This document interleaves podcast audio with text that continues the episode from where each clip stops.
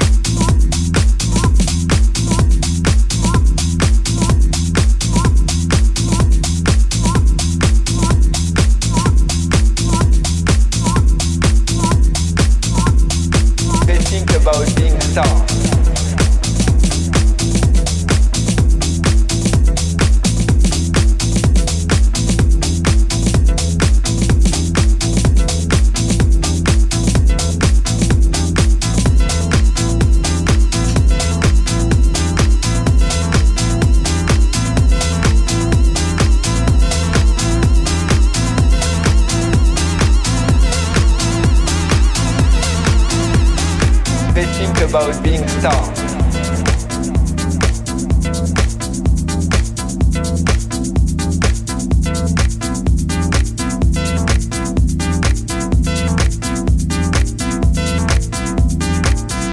all my life to, to keep the motivation. You know, like I've been traveling the world for almost 20 years now. And of course, if you just go into party, you really think about being star.